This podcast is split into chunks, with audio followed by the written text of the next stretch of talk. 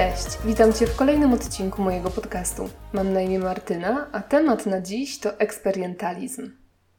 W poprzednich odcinkach powiedziałam Ci trochę o konsumpcjonizmie i tym, jaki wpływ ma na coraz większą liczbę ludzi. A także zachęciłam Cię do rozstania z nim, dając Ci rady i wskazówki, jak uporządkować swoją przestrzeń i pozbyć się nadmiaru przedmiotów.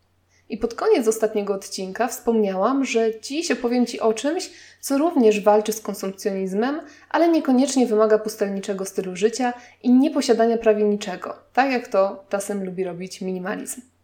Bo umówmy się, nie każdy ma ochotę zostać takim prawdziwym minimalistą. Dla jednych maksymalne ograniczanie dobytku i wydawanych pieniędzy będzie wymarzonym stylem życia, ale nie dla każdego. I ja to naprawdę dobrze rozumiem. Osobiście nazywam się minimalistką, bo w sumie się nie uczuję. Poza tym to określenie jest już dobrze w Polsce znane i nikogo nie dziwi. Ale nie ograniczyłam mojego dobytku tylko i wyłącznie do rzeczy niezbędnych i po prostu lubię czasem wydać pieniądze na siebie i coś sobie kupić. Jestem też fanką wszystkiego, co realnie ułatwia moje życie. I przyznam, że przez dłuższy czas miałam trochę problem.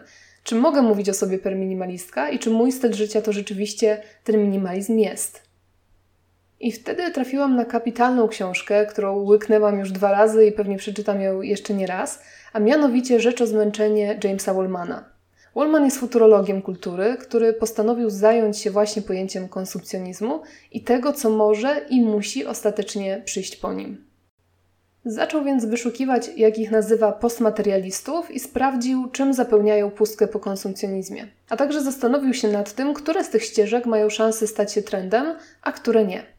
I tak wyznaczył właściwie cztery drogi: proste życie, minimalizm, ale rozumiane tak dość ekstremalnie, średnie tempo oraz eksperyentalizm. Pierwsza z tych dróg polega na upraszczaniu życia, czyli właściwie cofaniu się w czasie, rezygnowaniu z dobrodziejstw cywilizacji, wyjeżdżaniu poza miasta. Jeżeli myślałeś czy myślałaś kiedyś, żeby rzucić wszystko, wyjechać w Bieszczady i uprawiać własne jedzenie, to właśnie myślałeś, myślałaś o prostym życiu. Jakkolwiek jest to jakieś wyjście, które niektórym bardzo służy, to jednak Wallman nie przewiduje, żeby to mogło stać się nowym trendem na szerszą skalę. Nie po to rozwijaliśmy cywilizację, żeby teraz ją całkowicie odrzucić. Poza tym, jak pokazują historie opisane przez niego w książce, proste życie bardzo często jest na maksa trudne. Konieczność radzenia sobie z uprawami i hodowlą, problemy zimą, wytężona praca fizyczna i często przy tym równie ogromny stres sprawiają, że raczej nie jest to optymalne wyjście z konsumpcjonizmu, a już na pewno nie jest to coś, co ma szansę stać się trendem. Do minimalizmu Wallman podszedł w dość restrykcyjny sposób. Według niego możemy o nim mówić wtedy, kiedy ktoś realnie, świadomie i dobrowolnie ogranicza dobytek do tylko niezbędnych rzeczy. Może być ich tylko 100, może być ich tylko tyle, żeby wszystkie spakować do plecaka. Tutaj tendencje są różne.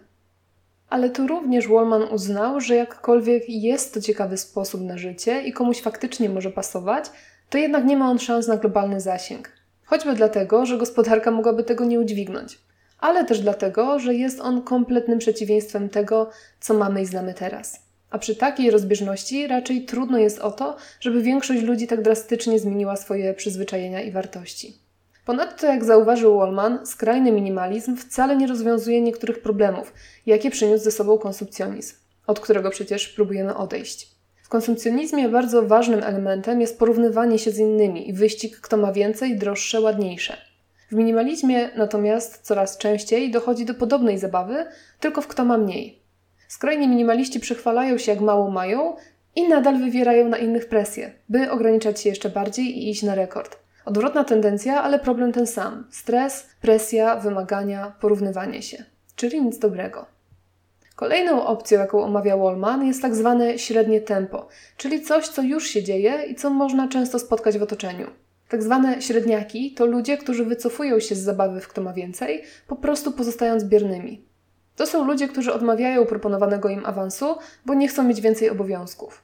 Wybierają przeciętną pracę i przeciętne zarobki, korzystając z czasu wolnego, jaki dzięki temu mają. I tu już tak naprawdę pojawia się możliwość, żeby taki styl życia był coraz częściej wybierany, bo rozwiązuje on niektóre problemy. Średniaki mają mniej stresu, mniej się porównują i wiodą zdecydowanie spokojniejsze życie. Jednak znów Wallman uważa, że i to nie zastąpi konsumpcjonizmu z tego prostego powodu, że nie każdy chce pozostawać w ramach przeciętności. Ten styl życia usypia ambicje, które przecież wiele osób ma i chce za nimi podążać. I tu dochodzimy do czwartej drogi, czegoś, co Wallman nazwał eksperyentalizmem, od angielskiego słowa experience, czyli doświadczenie.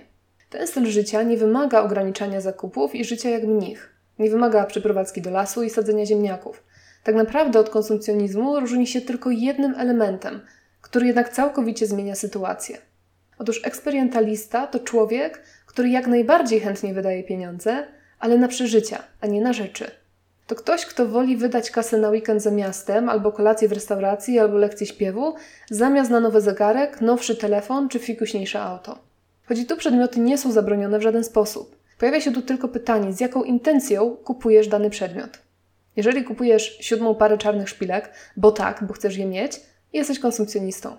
Ale jeżeli kupujesz sprzęt do nurkowania, bo chcesz zobaczyć rafę na wakacjach, działasz jak eksperymentalista.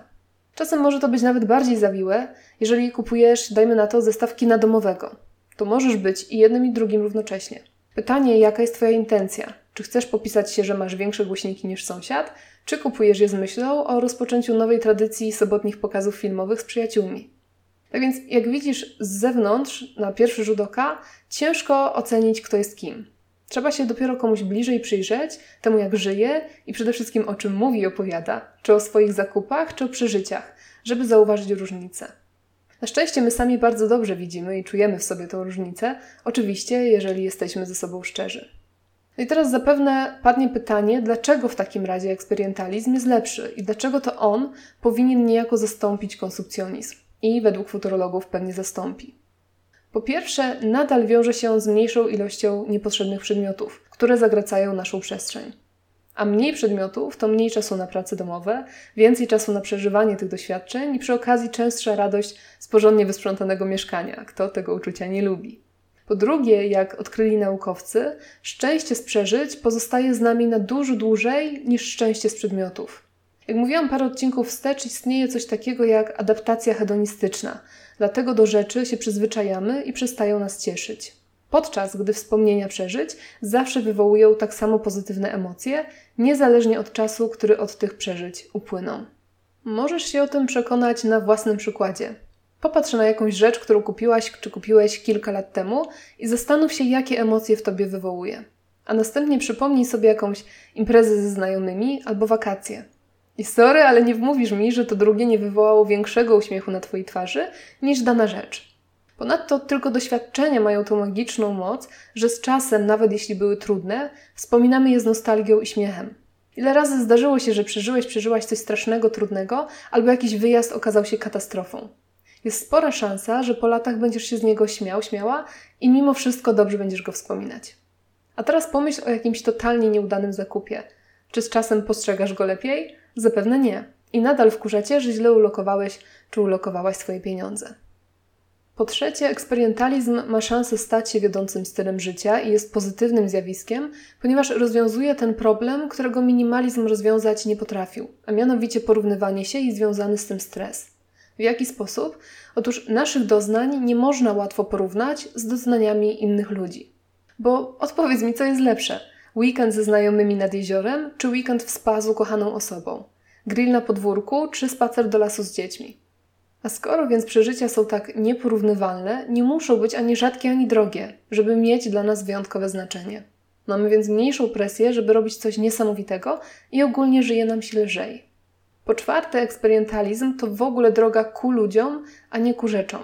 Nic tak nie cieszy, jak robienie czegoś wspólnie, więc stawianie na przeżycia i doświadczenia zdecydowanie mocniej nas pcha do grupy i zachęca do kontaktów z innymi, niż rzeczy, które kupujemy tylko po to, żeby je posiadać. A kontakty międzyludzkie i więzi są jednym ze składników szczęścia, jak pewnie pamiętasz z odcinka o modelu PERMA. I wreszcie po piąte, eksperymentalizm wcale nie jest tak odległy od konsumpcjonizmu, a więc nie wymaga aż tak dużej zmiany podejścia. Jeśli lubisz wydawać na siebie pieniądze, nadal możesz to robić, tylko inaczej, a przynajmniej z inną intencją. Dlatego właśnie wydaje się, że eksperymentalizm to najlepsza odpowiedź na konsumpcjonizm, która ma równocześnie największą szansę, żeby się przyjąć na szerszą skalę. Jest to też droga, która wymagając od nas samych najmniej zmian, może przynieść nam największą zmianę poziomu zadowolenia z życia i ogólnie szczęścia. Jak pisze Wallman, eksperymentalizm sprawdzi się w przypadku każdego z nas. Mając mniej, a więcej działając, będziemy szczęśliwsi, zdrowsi i bogatsi w każdym możliwym znaczeniu tych słów. Mniej zagracone domy, mniej odczuwanego żalu i lęku, więcej poczucia, że to, co robimy, ma znaczenie, częstszy stan przepływu, więcej radości płynącej z motywowanych wewnętrznie działań, więcej rozmów i kontaktów z innymi ludźmi, zdrowsze podejście do własnego statusu, mocniejsze poczucie przynależności. No nie wiem jak dla ciebie, ale dla mnie brzmi to bardzo dobrze. Co zatem możesz zrobić już teraz, żeby zacząć wieść szczęśliwsze życie jako eksperymentalista? Wallman mówi w tym miejscu o trzech krokach, które trzeba wykonać.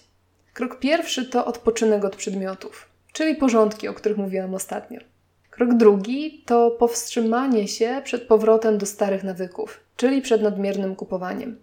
I wreszcie krok trzeci to zmiana myślenia i nowy sposób podejmowania decyzji zakupowych, czyli mniej rzeczy, a więcej przeżyć. A ćwiczyć to można na małych kwotach na początek. Załóżmy, że wpada ci luźna stuwa do portfela. Zamiast coś za nią kupić, zastanów się, co możesz za nią zrobić, co możesz za nią przeżyć. A kiedy już to zrobisz, zwróć uwagę na to, jak się czujesz i opowiedz innym, co to było, jak się czułeś, czułaś. Po kilku takich ćwiczeniach zapewne zauważysz, co przynosi ci więcej radości: przedmiot czy przeżycie. A to da ci odpowiedź, jak żyć, żeby być szczęśliwszym czy szczęśliwszą. Okay, tyle na dziś. Jak zwykle mam nadzieję, że dzisiejszy odcinek Cię zainspirował i że skłoni Cię do przemyśleń. Jeżeli chciałbyś, chciałabyś się nimi ze mną podzielić, to jak najbardziej zachęcam do kontaktu. Mail jest podany na stronie tematnadziś.pl w zakładce kontakt. Możesz mnie też znaleźć na Instagramie pod nazwą Burgerówka i odezwać się tamtędy. Będzie mi szalenie miło. Tyle. Dzięki serdeczne za dziś. Do usłyszenia niebawem. Cześć.